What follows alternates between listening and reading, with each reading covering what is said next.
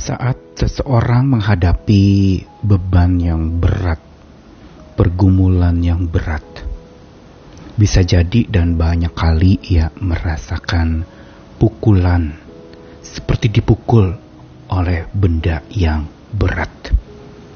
Dan tentu saja saat dipukul bisa ada reaksi menjadi terjatuh atau memukul balik. Tetapi saya ingat boneka tinju boneka mainan anak-anak yang tingginya kira-kira setinggi anak-anak. Dan boneka itu ketika dipukul, dia akan memantul kembali menuju kepada si pemukulnya. Sehingga ini buat main tinju-tinjuan. Tapi kenapa dia bisa memantul kembali?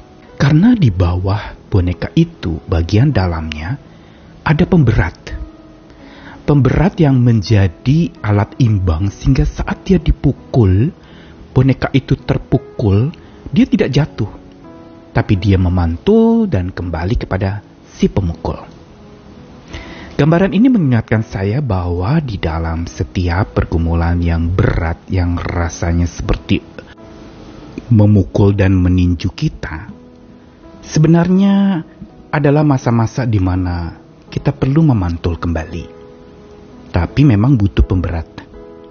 Butuh satu yang lebih kuat menopang, sehingga saat kita dipukul, kita tidak terpukul, dan saat kita ditinju, kita tetap terus tertuju dan melaju bersama dengan Tuhan yang sanggup memikul beban berat kita.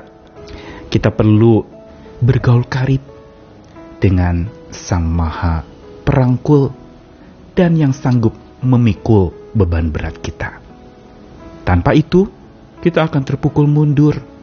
Dan saat kita tertinju, kita akan jatuh dan tidak sanggup melaju lagi.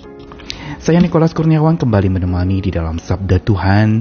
Hari ini dari beberapa ayat di dalam kejadian pasal 5 ayat 24 dan 6 ayat 9 dan Henokh hidup bergaul dengan Allah, lalu ia tidak ada lagi sebab ia telah diangkat oleh Allah. Lalu pasal 6 ayat 9, inilah riwayat Nuh.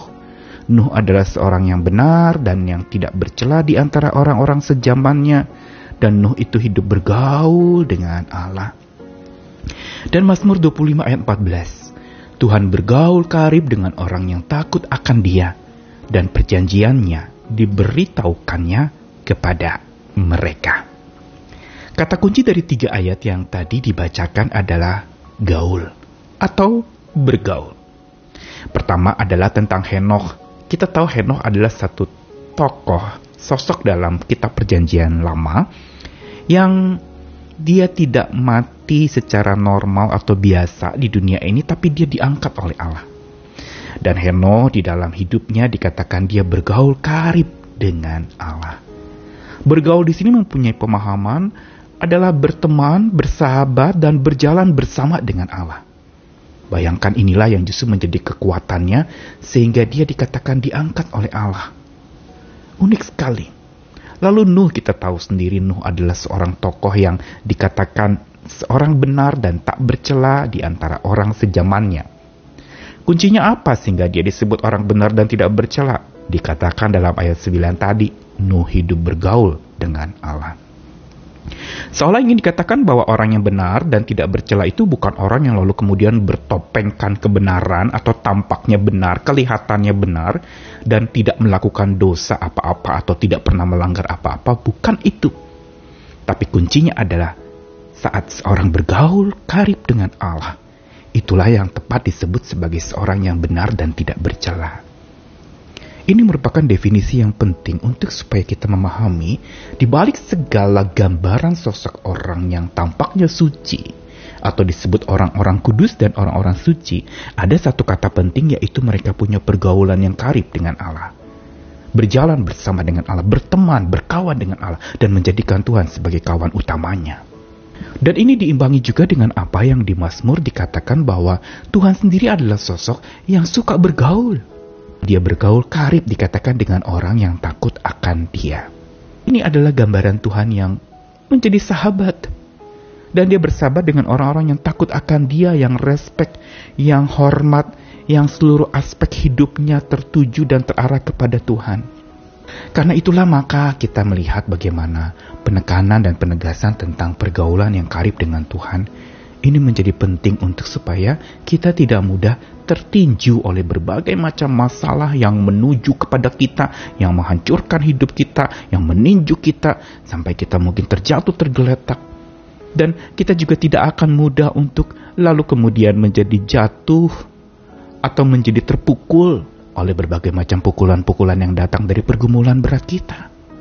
Karena apa? Seperti boneka tinju tadi, ada pemberat di bawahnya yang membuat hidup kita menjadi seimbang, dipukul kita mantul lagi. Ketika kita terjatuh kita bangun lagi. Ketika kita mungkin merasa tertinju, kita tetap berhadapan lagi dengan lawan kita. Ini tanda seorang yang berkemenangan. Yang bukan sumbernya dari kekuatan dia untuk berperang. Tapi karena ada alas yang kuat, ada pemberat yang kuat yang menopang dia. Sampai saat ditinju dan dipukul dia tidak pernah terjatuh tapi dia memantul kembali. Dan saya jadi ingat juga selain boneka tinju, ada juga bola yang elastis. Bola tenis misalnya, ketika dia dibanting ke bawah, dia jatuh dan dia mental lagi naik ke atas. Kenapa? Ada bagian kulit atau karet yang dibuat untuk bola itu memantul.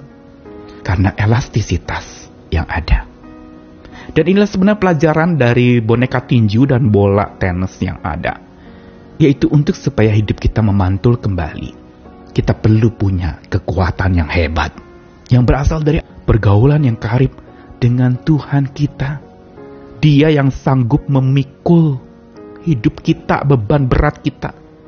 Datanglah kepadanya dan minta kekuatan dari dia supaya kita sanggup untuk berhadapan dengan beban berat kita dan pergumulan berat kita. Pergaulan kita bukan saja dengan Tuhan yang sanggup memikul, tapi dia tidak henti merangkul kita.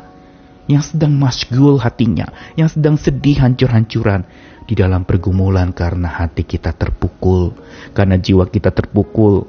Hari ini saya tidak tahu apakah kita sedang mengalami pukulan-pukulan itu. Pukulan mungkin dari konflik rumah tangga atau pukulan dari dalam diri kita, kegagalan memukul kita, problem hidup meninjuk kita saat kita dipukul ingat Tuhan yang memikul dan dia tak henti merangkul hidup kita. Saat kita merasa seperti tertinju, ingat saat tinju itu kena kepada kita. Maka pandangan kita harus tertuju kepada Tuhan yang lebih kuat dari segala apa yang dapat meninju kita. Dia kekuatan kita. Dia pemberat yang tidak pernah membebani kita tapi memampukan kita untuk memikul beban yang berat itu bersama dengan dia. Dan sambil kita memikul beban kita, Tuhan merangkul kita sehingga masgul atau kesedihan hati itu tidak membuat kita larut dan hanyut di dalamnya.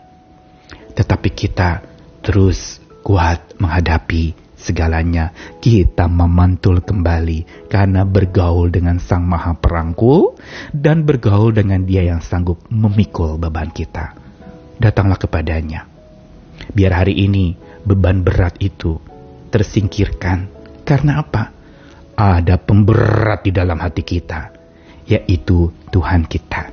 Dia yang membuat kita tidak akan mudah jatuh. Dia yang akan membuat kita, kalaupun jatuh tidak akan tergeletak. Kita akan memantul kembali, seperti boneka tinju dan bola tenis. Mari bergaul karib dengan dia sang maha perangkul dan yang sanggup memikul hidup kita. Ayo memantul kembali karena Tuhan mantap betul kekuatannya, rangkulannya, dan pikulannya untuk kita. Tuhan mengasihi kita sekalian, bersandarlah terus kepadanya, bergaul kariblah dengannya tanpa henti. Amin.